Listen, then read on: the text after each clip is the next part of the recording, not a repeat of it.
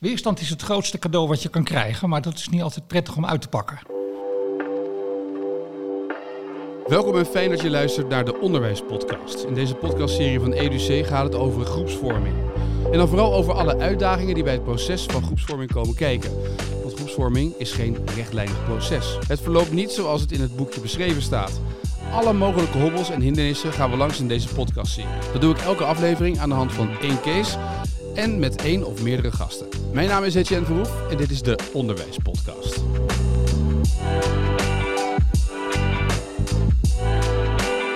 Vandaag zijn in de Onderwijspodcast de gast. Ik ben Annegien Siemis en ik werk als adviseur en trainer en procesbegeleider bij Altra EduC.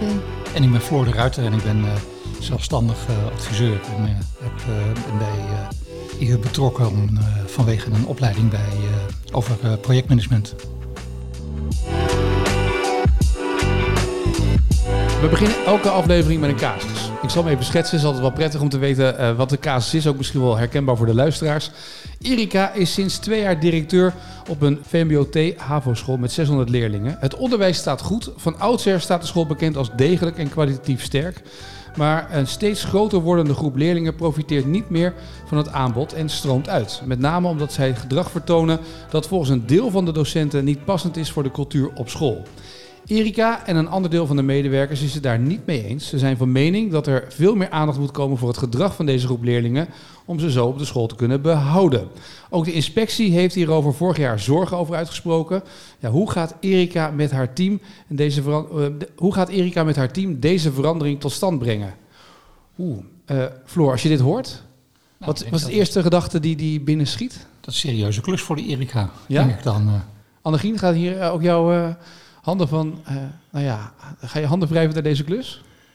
Ja, interessant. En ik denk ook dat dit de opdracht van het onderwijs is om uh, je met gedrag bezig te houden. En niet alleen met het leren van vakken. Ja, maar als ik hier naar luister en als ik deze casus een beetje erbij pak voor, proef ik ook wel iets van weerstand in het team. Dat de ene groep zegt, we willen hiermee aan de slag. En de ander zegt, nou, is het wel zo nodig? Ja, weerstand is het grootste cadeau wat je kan krijgen. Maar dat is niet altijd prettig om uit te pakken. En zou je, zou je kunnen zeggen. Dat, um, Kijk, organisaties en, en, en heb ook en, en uh, dit soort organisaties zijn, bestaan eigenlijk allemaal uit teams. Dus het is heel belangrijk hoe je daar als team uh, mee omgaat. En uh, als, een, als een groep docenten serieuze vragen heeft over de, over, de, over de koers, dan, ja, dan moet je dat verkennen en serieus nemen. Weerstand dus niet zien als iets van ik heb een goed plan en iedereen is tegen en ik duw het er wel door. Maar weerstand in je team is, ja, het ergste is eigenlijk veel erger dan weerstand, is als mensen ongeïnteresseerd zijn of afhaken of zich niet melden. Dus als mensen roepen van uh, ik ben hier echt tegen, nou, ik zou zeggen gefeliciteerd. Ja, uh, je, je benadert het heel positief, maar waar begin je dan mee? Hoe gaat dat dan? Ja, in gesprek gaan. In gesprek gaan en met elkaar uitzoeken. Wat, nou ja, vragen stellen. Wat, wat, wil, de, wel, wat wil deze weerstand ons zeggen? Wat probeert deze weerstand te beschermen, wat er nu niet is? Dat soort vragen, dus open vragen naar de aard van de weerstand. Maar ook uh, naar het, zeg maar dat is inhoudelijk, maar ook in het team kijken van uh, ja, hoe gaan we hier als team mee om? Dus je hebt twee routes, verkennen wat de weerstand is en dat serieus nemen. En kijken van wat, doet dit met ons als team? Struikelen we hierover? Vinden we het zwaar? Raken we in paniek? En hoe gaan we daar dan met elkaar mee om? Ja. Is dat, zijn het individuele gesprekken, Annegien, of niet? Of zijn het ook wel groepsgesprekken gelijk ook met iedereen? Oh, dat kan allebei, maar ik denk wel dat een groepsgesprek als meerwaarde heeft dat je van elkaar kunt uh, leren en dat je je uh, eigen ideeën ook kunt bijstellen bij wat je een ander hoort zeggen. Dus ik ben altijd erg voor uitspreken in de groep, wat ook een vaardigheid is om te leren. Mm -hmm. um, en ik uh, kan me heel erg vinden in wat Floor ook zegt, dat weerstand is, gaat eigenlijk over betrokkenheid. Ja. wees blij dat het er is. Het is soms even hard werken, maar uh, er zijn mensen die iets anders ervan vinden. En dat is dus interessant om te horen in de groep. En uh, ik denk dat als je inderdaad met elkaar op tafel hebt hoe je, hoe je erover denkt, uh, dan kun je ook komen tot een gedragen plan. En het jammer is dan weer, dan ben je er nog niet. Nee, met een plan. Ja. want vervolgens gaan mensen aan de slag met een plan en komen ze natuurlijk ook zichzelf tegen in het plan. En wat er dan wel eens insluipt, is dat, uh, dat je ongemerkt toch weer je, ja, je ambities overboord kunt gooien, omdat je eigenlijk jezelf als individu aan het beschermen bent. En dat gaat soms heel uh, geruisloos, maar dat is wel tamelijk vernietigend voor het mooie plan dat je hebt gemaakt. Ja. Dus er zit best een heleboel aan vast. Dus ik snap dat Erika vragen heeft. Ja, want Erika belt, eh, stel dat ze met jou zou bellen, waar zou je dan beginnen? Als je dit gesprek met haar voert in eerste instantie. Ik zou misschien toch als eerste aan haar vragen hoe zij met haar team heeft gedeeld wat de opdracht van het onderwijs is en hoe breed dat gezien wordt in haar team. Want ik denk wel dat dat echt een vertrekpunt is. Ehm, en ja, de- wat ik aan het begin al zei, de, de opdracht die we, die we hebben in het onderwijs gaat echt over kwalificatie en socialisatie en persoonsvorming. Dus dat is een brede opdracht. Ja. En dat is wel een mooi vertrekpunt. Ja, want het is heel verleidelijk natuurlijk om, dat, waarschijnlijk vanuit leiderschap Floor zegt zij, we gaan het zo doen, we moeten iedereen aanpakken en ik bepaal het hier eventjes. Maar ja, dat is natuurlijk een heel team wat dan gelijk op de achterste benen kan gaan staan daardoor, want wie ben jij om dat te bepalen? Nou, dat. Dus het ene aspect, nou, als, ik, als we dan even inzoomen op dat teamdynamiek, hè, dat is dat het belangrijk is dat het hele team nou, zich eigenaar voelt van wat we gaan doen, wat het plan is. En dat, dat bepaal je niet als directeur. Het is een beetje een ouderwetse opvatting over eh, leiderschap dat, een, eh, dat een, een baas of een directeur een plan maakt en dat meedeelt aan zijn medewerkers. En die dat dan eh, zeg maar met enthousiasme gaan uitvoeren. Dat, Is dat niet meer van deze tijd? Nee, dat is, nee, dat is, dat is, dat is hela- helaas is dat naar Sinds de kort bliksem, dan, of niet? Is dat naar de bliksem gegaan. Dat, er is veel moois verdwenen en dat ook. Nee, dat is, dat is helaas weg. Dus dat kon ook in de tijd dat problemen zo overzichtelijk waren dat één iemand kon overzien wat er nodig was. In de, in de jaren 50 hadden we misschien minder grote problemen op dat gebied, dus konden we, kon je het aan een directeur overlaten. Maar de werkelijkheid is dat de problemen zo complex zijn dat directies of directeuren dat niet meer kunnen in de detail. Dus ze hebben gewoon een medewerkers nodig en die moeten dan eigenaar zijn. Maar wat een belangrijk aspect daarbij is in een team, en dat is wat, waar Erika mee zou, nou een van de dingen wat ze, waar ze mee zou kunnen beginnen, dat is dat eh, een belangrijke vaardigheid van een team is, hoe gaan we om met conflicten? Mhm. En in, je ziet wel dat in, in onderwijs, in, in, in, in, de zorg, dat, dat, dat vinden we niet prettige conflicten. Terwijl het is de belangrijkste vaardigheid van een team is eigenlijk hoe gaan wij om met conflicten in de zin van dat er tegengestelde belangen zijn. Conflicten zijn niet iets naars, maar in een, in een team heeft de een de ene opdracht, is die financieel verantwoordelijk en de ander meer uitvoerend verantwoordelijk. En daar zit een natuurlijke spanning tussen. En de kunst is om als team als, in, in, zeg maar, gezond met die spanningen om te gaan. En dat niet weg te duwen, want conflicten, of tenminste problemen in een team komen ervoor dat we er een beetje van weglopen. En het En heeft belangrijke, dat te maken met, met de mensgerichte kant en die vaak in zorg en onderwijs eh, zit in personeel, omdat het vaak mensen willen zijn die willen helpen en daardoor conflictvermijdend zijn? Ja, dat is één aspect ervan. Dat is, eh, eh, dat is eigenlijk een beetje het cliché van, eh, van de zorg of het onderwijs. Maar eh, wat we veel meer zien de laatste tijd is dat het vooral gaat over de veiligheid die in een team is. Mhm. Bedoel, dat hoor je natuurlijk ook op allerlei voorbeelden in de, op de radio, in de media en tv. Maar vooral de, de veiligheid in een team belemmert ons, of de onveiligheid belemmert ons om constructief met die conflicten om te gaan. Want dan denk ik, joh, ik kijk wel uit dat ik krijg een flinke tik op mijn neus en dan hou ik het wel voor. Maar als het niet veilig is, of als het, als het mijn, mijn, mijn, mijn tijdelijke contract belemmert of zo. Dus eerst moet je die veiligheid creëren en dan met, en dan met die verschillen in inzichten om leren gaan. Ja, dat is wel een pro- proces natuurlijk om eh, een Matthijs van Nieuwkerkje uit te sluiten, zeg maar, op de werkvloer. Ja, dat is, dat is een heel proces. En ik denk wel dat je daar als leidinggevende eh, ook op een eh, actieve manier aan kunt bijdragen. Ehm, door de juiste vragen te stellen. En eh, juist heel veel ruimte te geven voor het conflict. Dus het conflict te helpen opzoeken. Tenzij het Ja. zelf eigenlijk als leidinggever, ik weet niet of Erika in dit geval degene is die zelf eh, eh, op die manier voor een onveilige situatie zorgt in, in haar gedrag. Dat maakt het ingewikkelder, maar ook zij zal kunnen leren, Ja. denk ik. En daar heeft ze misschien anderen bij nodig. Maar wat, wat zij dan zou kunnen leren is dat ze. ehm, ehm, nou, bijvoorbeeld, misschien heeft ze zelf ook een sterk idee hierover. En eh, dat zou ze kunnen neerleggen, maar daarnaast kunnen vragen. Ik ben ook benieuwd naar hoe anderen hier naar kijken. Dus dan geef je wel een opening om het anders te mogen vinden. En dat hebben mensen op de werkvloer ook soms wel nodig van de leidinggevende. Om die expliciete uitnodiging te krijgen om er iets anders van te vinden. En anders vinden ze er ook wel iets anders van, maar dan zeggen ze het misschien niet. Nee, dus de zin, ik kijk er zo naar, maar hoe kijken jullie ernaar, kan al een uitnodiging zijn om maar in ieder geval met elkaar over in gesprek te gaan. Ja, en de eerste moedige die dan iets anders durft te zeggen, Die gelijk op de vingers tikken, toch? dat zou je kunnen. Ja, dat, Ja. Is, dat is een mogelijkheid. Maar wat je ook kunt doen is dan vragen: eh, en wie herkent dat? Ja. Uh, zodat er echt ruimte komt om dat andere te vinden. Maar dat vraagt dus ook van de leidinggevende of degene die het gesprek leidt, bijna om uit het oordeel te blijven en vooral open te staan voor de, de antwoorden van een ander in plaats van het gelijk naar te willen gaan oplossen. Of... Ja, dat, kijk, de belangrijkste uh, ellende die een leider zich vandaag de dag op de hals kan halen, en Erika als voorbeeld, dat is om thuis na te denken over een plan en achter je laptop te zitten en verliefd te worden op je eigen plan. Ja. En dan heb je een plan en dan dan, dan heb je jezelf volkomen klem gezet eigenlijk. dus de, de, kunst is niet om met een plan te komen, maar met, nou, met een idee. Nee, met de vraag. Ja, met de vraag. De vraag ja? Jij begint met de vraag, wat is, hoe kijken wij samen tegen onderwijs aan? Ja, wat, is, wat, wat hebben wij hier te doen? En dat op tafel te leggen. En dan zit je niet op slot in een plan, maar dan discussieer je met elkaar over. En dan is het makkelijker om die verschillende perspectieven op tafel te leggen. En steeds in je hoofd hebben dat er iemand met een idee komt en een ander zegt: nee, wat is dat nou voor een rot idee? Dat moeten we zeker niet doen, want dat hebben we alles geprobeerd. Telkens doorzoeken, wat zit erachter? Welk, wat, welk, zeg maar, welk belang of wat, wat, wat probeert iemand hier te beschermen? Of wat probeert iemand hier te vermijden en waarom? Ja. Dus telkens een laagje dieper te zoeken. Dus het is zo, zo iemand zoals als Erika, die, die, die, die stapt in een, in, een, in een voorlopig een pittig proces van vragen en doorvragen en verkennen met elkaar.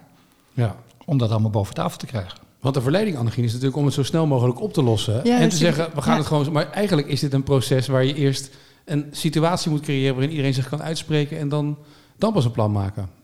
Dat klopt. En dat wringt dus ook meteen ontzettend met de schaarse tijd... die er in onderwijs is om met elkaar uh, zo'n gesprek te voeren.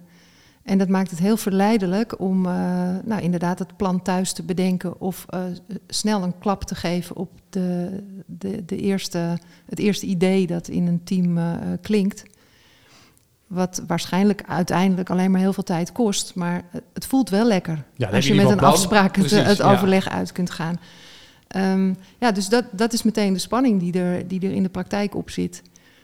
Um, en en ik denk niet dat dat uniek is voor onderwijs. Ik denk dat, nou ja, dat dat in heel veel contexten gebeurt. Dat, je, dat het makkelijker is om je te richten op een, eh, een, een snelle oplossing. Of überhaupt op de taak dan op de vraag hoe gaan we dit eigenlijk fixen met elkaar. En hoe gaan we het daarin goed hebben met elkaar. En wat doen we als we iets anders tegenkomen dan we aanvankelijk hadden verwacht. Ja, en dat zijn eigenlijk nog belangrijkere vragen. Wou ik zeggen, want dan ga je dus inderdaad met elkaar discussie aan. En dan gaat het veel meer om het gevoel, het teamgevoel, dat creëren. En daar met elkaar afspraken uiteindelijk over maken. Of in ieder geval dat bespreekbaar maken. Ja, en dat kan ook heel concreet. Je kunt ook zeggen, uh, op het moment dat we merken in de praktijk dat het anders loopt dan we dachten. Uh, dan uh, melden we dat aan elkaar, zodat we er iets mee kunnen. Ja. Moeten, Floor, bij iedereen de neuzen dezelfde kant op staan eigenlijk als je in dit proces zit? Ja, dat is een ouderwets cliché. Hè, van, maar om nog Jij eh, eerst even terug te komen op wat jij net zei van er moet een soort gevoel uh, ontstaan. Het gaat eigenlijk het gevoel, maar het gaat vooral om eigenaarschap bij iedereen. Ja. En die, omdat iedereen een, een, ander deeltje van het, van het werk doet, moet je in ieder geval eigenaarschap voelen voor je eigen deel. Wat, wat past in het geheel. En pas wanneer iedereen denkt, ja, maar dit is van mij en dit ga ik doen, dan is het, dan is het goed. En het kan best zijn dat, dat jij eh, denkt, uh, ik ga bezuinigen uh, vanuit jouw financiële verantwoordelijkheid. En ik denk, nou, ik, ik, ik, ik uh, denk wel even met je mee, maar ik ga zorgen dat uh, het in die en die klas gewoon weer, weer gaat lopen. Of met die, met die leerlingen in orde komt. Dan hoeven ja. we niet op één lijn te zitten. Maar we moeten wel leren om met. Want die spanning blijft. De neus uit dezelfde kant. Het is echt een enorm belemmerend frame. Omdat dan moeten we het allemaal eens zijn over jouw bezuiniging. Ja. En dat is echt zonde van de tijd. Als we maar zeggen: jij moet bezuinigen, ik ga de kwaliteit verbeteren. En we blijven met elkaar in contact om dat de potentiële belangentegenstelling gewoon uit te knokken iedere keer. Ja. Maar dat zou al een hele winst zijn natuurlijk als iedereen uh, ziet dat er ergens iedereen een eigen belang heeft, een eigen rol erin heeft. Ja. En als iedereen dat oppakt, dan ben je natuurlijk al een heel eind. Ja, maar dat, dat is eigenlijk stap 4. Dus stap 1 ja. is waar Annegien eh, mee begint met de vraag van waar, waar, waar zijn wij een antwoord op? Wat ja. hebben we eigenlijk te doen? En dan, dan kom je onderweg kom je wel die rolverdelingen tegen. En dan moet je daar heel duidelijk over zijn, ja. Ja, want uh, laten we even stappen dan doornemen. Want je zegt net stap 1 en dit was stap 4. Stap 1 is, wat Annegien net zei, gesprek? Nee, het is allemaal een gesprek. Ja? Maar stap 1 is dat je nadenkt over wat hebben wij hier nu te doen ja? in deze situatie.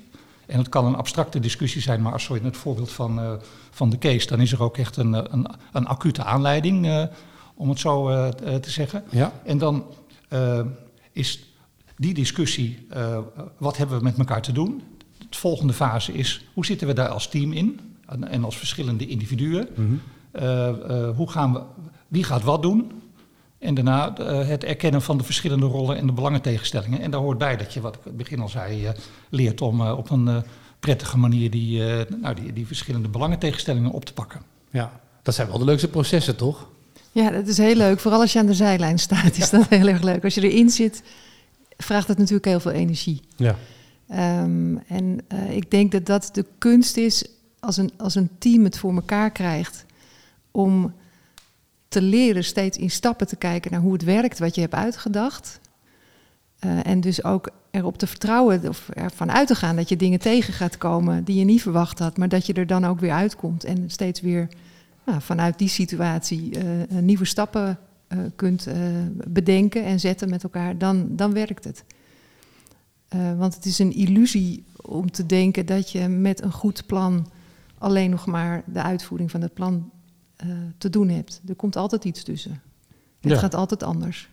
Maar het is wel een mooi besef dat plan maken is één, maar daarna komt er nog een stap twee. En dat is vaak het meest lastige, toch? Want dat plan maken is dan nog wel een begin. Het is eigenlijk steeds opnieuw het plan bekijken en daar weer naar handelen. En dat is de vaardigheid die je, ja, die je ieder team eh, toewenst eigenlijk. Ja, maar dus ook wel weer dat in dat plan weer continu blijven verantwoordelijk blijven voor je eigen stapje. Je eigenaarschap er ook in blijven houden. Dat is de tweede uitdaging als het even tegen zit of als het even niet loopt zoals je het van tevoren had bedacht. Ja, en het, ik bedoel, dat, het plan is maar een hulpmiddeltje. Ja. En, eh, Maar voor heel veel mensen hou vast, toch? Wat zeg je? Voor heel veel mensen hou vast. Dit is het plan. Ja, dat is het, dat is het, het nadeel. Het plan geeft geen houvast in die zin. Hè. Je, je, een, plan dat is meer een soort eh, waar we het met elkaar over eens zijn geworden. En dat verandert omdat we, we gaan wat doen en dan verandert er wat en dan moeten we eigenlijk weer opnieuw kijken. Hè. Dus het, het is een organisch proces zoals we dat noemen. En nog één ding om over te zeggen, dat, wat, we hadden het net over dat het, dat het zoveel tijd kost. En dat is eigenlijk altijd het argument om, het, om niet zo'n proces in te gaan. Maar de realiteit is dat het proces aan het begin heel veel tijd kost. Maar als iedereen eigenaarschap neemt, dan is de uitvoering die gaat razendsnel. Dus waar we normaal gewend zijn, we maken een plan en dan gaan we, dan gaan we het uitvoeren. En dat neemt, oh, eh, dat, dat, dat valt tegen. De Noord-Zuidlijn duurt toch wat langer dan gedacht. Iets. Die, eh, en, en ook nog iets duurder geworden. Maar dat als, je, als er echt eigenaarschap is bij alle teamleden, dan begint daarna iedereen ook gewoon de uitvoering eh, te doen. Dus je wint de tijd weer in de tweede helft van het, van het proces. Ja. En dan hoeft het gesprek ook niet te gaan over wie zijn schuld het eigenlijk is Ja. dat het is misgegaan. Want dat Ja. kost ook heel veel tijd Ja. eh, in de praktijk. Ja. Ja. Maar eh, even, maak dat eens praktisch dan. Zo- Zo'n proces, is dat een proces van maanden, van jaren? Hoe zit zo'n proces in elkaar? Hoe, lang- hoe lang duurt dat? Ligt dat ligt een beetje aan het team natuurlijk, maar in zo'n geval, wat je nu hoort? Ja, is dat, een- dat is niet iets van de een op de andere dag. Nee. Want het gaat eh, over cultuur. En eh, daar, daar is wel tijd voor nodig om daar met elkaar eh, je gedachten over te hebben. En daar een vorm in uit te proberen. eh, dingen tegen te komen die weer te bespreken. Ja, dat kost wel tijd. Daar gaat tijd overheen. En ik denk, ja, wat Floor zegt, als er. eh, als mensen zich daarin thuis voelen in dat plan, dan krijg je vleugels. En dan kunnen dingen soms verrassend snel veranderen. Ja. En het is ook, als je ernaar kijkt, we, we denken ook nog wel eh, eh, dat een proces een begin en een eind heeft. Ik bedoel, het begint misschien omdat Erika denkt, shit, waar ben ik in verzeild geraakt. Maar als je dit doet, dan stopt het nooit. Nee. Want eh, ik bedoel, je doet wat, eh, de, de werkelijkheid verandert. eh, de- je bent ergens gekomen, ergens anders dan waar je begin dacht. En iedere keer gebeurt er weer wat. De buitenwereld verandert, de subsidieregelingen veranderen, er komen andere leerlingen. Dus het proces van wat observeren wat er gebeurt. Kijken naar het team van hoe gaan we hiermee om. En, eh, eh, en daarna eh, wie, wie doet wat. En laten we aan de gang gaan. Dat blijft, daar zit geen einde aan. Het, dit is toch een soort illusie. Oh, het probleem is na een tijdje opgelost. En dan loopt de school weer. Maar de werkelijkheid is dat er dan alweer een heleboel nieuwe dingen gebeuren. Dus het is, ja, het is jammer, maar dat proces, dat is, daar, daar, daar begin je aan en daar raak je in verzeild. Maar is het dan ook zo dat, dat, dat je daar dus in kan vergissen, waardoor je eigenlijk weer de waan van de dag leidend laat zijn en op een gegeven moment eigenlijk weer beseft, oh, we hadden dat plan gemaakt en we, we, we hebben het er eigenlijk nooit meer over? Nou, of over bazen die zeggen van, is het nu klaar? Dus er, is er altijd besturen en, en, en managementteams en die zeggen, joh, ben je met het plan en is het niet eens klaar? Hè, en dan gaan we tussenrapportages maken en weet ik wat er dan allemaal eh, voor processen op gang komen. Dus het is ook de illusie, in, ik zal maar zeggen, in de hele keten, in de hele hiërarchie, dat plannen een, een, een proces, een begin en een eind hebben. En dan gaan we daarna net doen of dat zo is. Maar dat is natuurlijk allemaal flauwekul. Wat op zich heel, heel, heel uh, prima is dat het natuurlijk dat het een tijd kost. Maar wat, wat, als je dan zeg maar dat plan maakt, hoe ga je wel dat plan levend houden? Nou, door, door uh, en dat is, het, dat is het teamwerk, door iedere keer opnieuw met, ik zal maar zeggen, met frisse ogen te kijken naar de werkelijkheid. He, dus het, het plan is helemaal te relevant. Het gaat niet om een plan, want dat is op papier. Dat is maar een hulpmiddeltje. Maar gewoon kijken naar wat gebeurt er in de klas, in de school en in de omgeving. En laten we, laten we, laten we eens met elkaar zitten en weer eens even uh, van alle kanten kijken wat er gebeurt. En als er gebeurt dingen in de directie of dingen in de, uh, bij, de, bij de financiering, laten we dan die partijen eens even laten mee. Nodig ze uit, kom vertellen wat er hier aan de hand is met de financiering. En dan klooien we weer verder. Ja. En dus het, het houdt nooit op. Het houdt nooit op. Nee. Ja, blijven, ja. Nou, het moet ook op de agenda staan, denk ik. Ja, dat wil ik zeggen. Want dat gaat, zet je het bewust op de agenda of zet je het bewust per kwartaal op een agenda? Of hoe, hoe zie je het voor je? Je moet het agenderen en de frequentie, ja, daar, daar gaat ook de school over natuurlijk. Maar ik denk dat, dat ook vaak gedacht wordt, we hebben nu een plan en daar gaat iedereen wel zelf mee aan het werk. En dan merk je dus in de praktijk dat iedereen wel um, nou ja, andere stukjes uit zo'n uh, uit zo'n uh, plan in de schijnwerper zet. Of ze anders verstaat dan anderen. Dus je moet het gewoon niet loslaten. Dus laat het in het begin maar regelmatig terugkomen in je vergadering. En dan vooral ook um, niet alleen de vraag wat zien we, maar ook wat gaat er goed.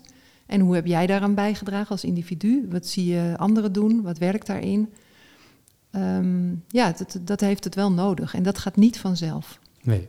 Hebben teams ook succesbeleving nodig? Absoluut, want er, uh, er zitten mensen in teams. Ja. ja. en hoe vier je die successen? Nou, bijvoorbeeld door ze hardop te noemen met elkaar en uh, door aan elkaar te vragen wat je precies hebt gedaan om daar te komen.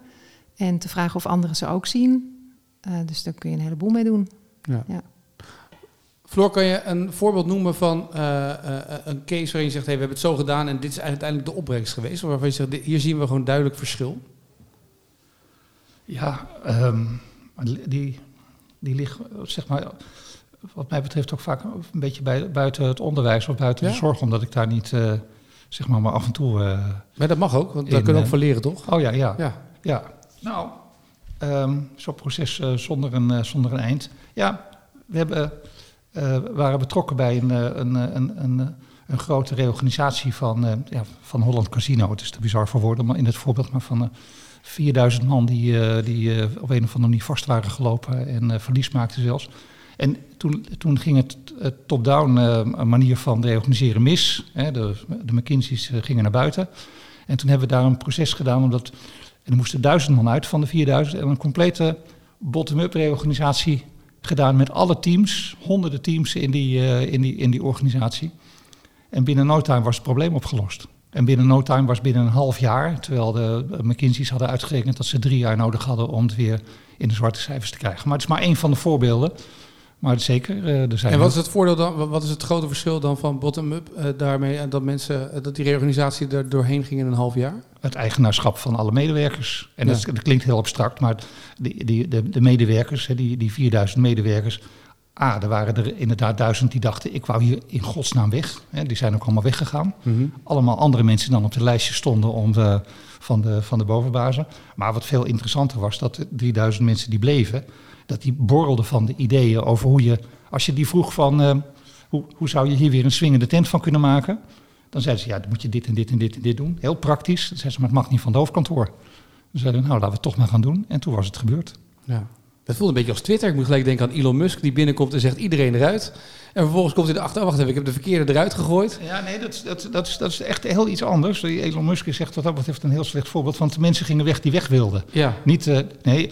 Als nee, maar ik bedoel even zeg maar, dat van, als je zegt van top-down, uh, dat voelt ja. een beetje top-down, voelt een beetje ja. als Elon Musk, weet je. Ja. Die echt zeg maar... Nou, dat speelde toen, in, in, in, dit is een grappig voorbeeld, maar er kwam natuurlijk echt vier van die mannen van een, van een, van een adviesbureau met van die grijze pakken aan. En die zaten dan ook met z'n vieren in de kantine. En dan zat iedereen te kijken van, oh jee, als, dat, als mijn naam maar niet op dat lijstje komt te staan. Ja. En toen ze uiteindelijk het zelf gingen doen, dus echt een hele, al die teams gingen zichzelf uh, uh, reorganiseren. Ja, toen kwamen daar eigenlijk veel betere ideeën uit, maar gingen er ook uh, de mensen weg die er ook genoeg van hadden. Ja.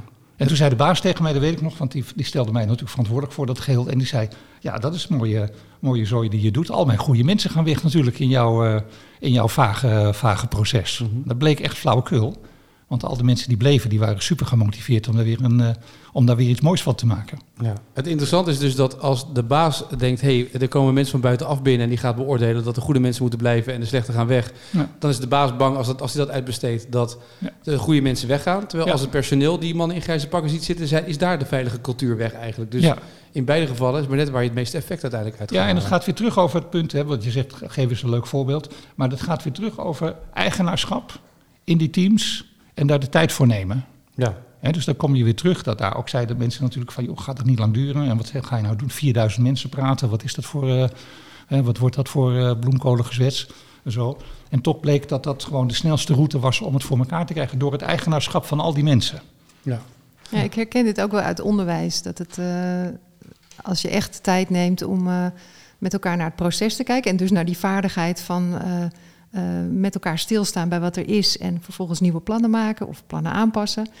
Er was een, uh, een school uh, waar, um, waar ik een, een, ruime ochtend in gesprek ben geweest over hoe geef je aan elkaar aan dat je in de afspraken die je hebt gemaakt merkt dat er iets anders gebeurt dan je verwacht had. En dat team heeft een code afgesproken met elkaar.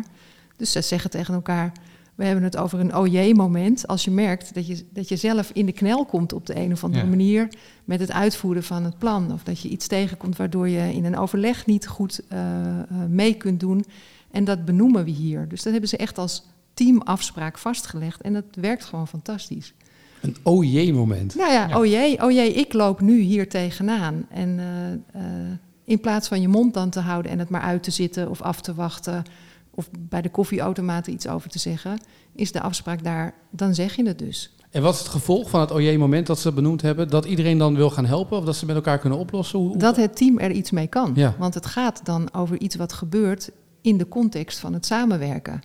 Dus het is ook eigenlijk niet meer dan fair naar anderen en naar jezelf dat je dat dan deelt, zodat je er iets mee kunt. En dan kun je natuurlijk ook nog afspraken maken over hoe zeg je het dan. Maar het feit dat je het aan elkaar toestaat en aan jezelf toestaat dat je het hardop mag zeggen, dat geeft al een heleboel ruimte. Ja. En als je dat doet zonder dat je die afspraken hebt, dan doe je heel spannende dingen ja. in een team. Ja. En dat kost dan een ochtend, maar het levert ook heel veel op. Ja, dat, als je dat puur in bedrijfsmatig kijkt, als mensen uh, blijven doorgaan met de dingen die ze aan het doen zijn, in aannames denken en eigenlijk doorgaan terwijl ze eigenlijk geen idee hebben wat ze moeten doen en het dus niet durven aan te geven uit angst voor een reprimande, nou, ontslag, weet ik veel wat, de contracten die niet verlengd worden. Daar wordt natuurlijk niemand beter van. Nee. Nee. nee dus ja. Nee. dus het is ook heel logisch dat dit dan werkt. Ja. En er zijn uh, deskundigen die hier iets over hebben opgeschreven. Dat zijn uh, Witteker en Lieberman, die hebben hier een model over gemaakt. En die noemen het zeker niet het OJ-moment. Dat is hoe ik het, het OJ-model. Zij noemen dat het focal conflict model. En dat, dat is, eigenlijk gaat het over, je hebt met elkaar een plan, maar je komt individueel dingen tegen op het moment dat je die niet uitspreekt, dan gaat vaak de ambitie verloren en ga je over op beperkende oplossingen. Bijvoorbeeld proberen onzichtbaar te zijn tijdens de vergadering, ja. of uh, je bent ziek op belangrijke momenten, of je houdt je mond. En je moet naar verruimende oplossingen, waarbij je en de ambitie behoudt en de spanning bespreekt met elkaar. Ja. Dus dat doet dat team heel knap, ja. leuk. En ja. alles valt of staat dus eigenlijk met het bespreekbaar maken en die veilige omgeving in eerste instantie creëren, zodat je verder kan. Heb je dat niet, dan kan je een plan maken, maar dan gaat het nooit nooit werken, toch? Eigenlijk is de conclusie van dit ja. verhaal en ook richting Erika's case. Ja, dat is wel een beetje een droevige conclusie, maar ik denk wel dat het, dat het vaak zo gaat. Of dat het een tijdje werkt op een soort van tijdelijke energie. En dan stort ineens het hele handeltje in, omdat je elkaar gewoon niet gesproken hebt. Ja, ja. ja dat een plan gewoon een, een dat, dat lijkt wel wat. Het is een soort uh, woord waar we denken, oh, dan hebben we in ieder geval een plan. Maar een plan is een belemmering vaak. En de, en de belangrijkste twee dingen, de, net dat voorbeeld, het is weer leren met conflicten om te gaan in een team. Eigenaarschap voelen. Ja. En samen iets maken. Dat is, dat is, en dat is nog hartstikke leuk ook. Ja. Ik heb alweer een paar tegeltjes voorbij horen komen. Een plan ja. is een belemmering. Ja. Uh, conflicten moet je, moet je koesteren, geloof ja. ik. Nou, dat zijn een paar dat zijn tegeltjes die je zo in de muur kan hangen in de lerarenkamer. Nou, daar kan Erik gelijk mee aan de gang. Nou, precies. Annegien, Floor, dank dat jullie wilden meepraten in deze podcast. Graag gedaan. Uh, mocht je nou meer willen luisteren, er zijn meer afleveringen van de Onderwijspodcast. Luister die dan vooral ook terug via jouw favoriete podcastplayer. En natuurlijk ook op de site van EduC kan je ze allemaal terugluisteren.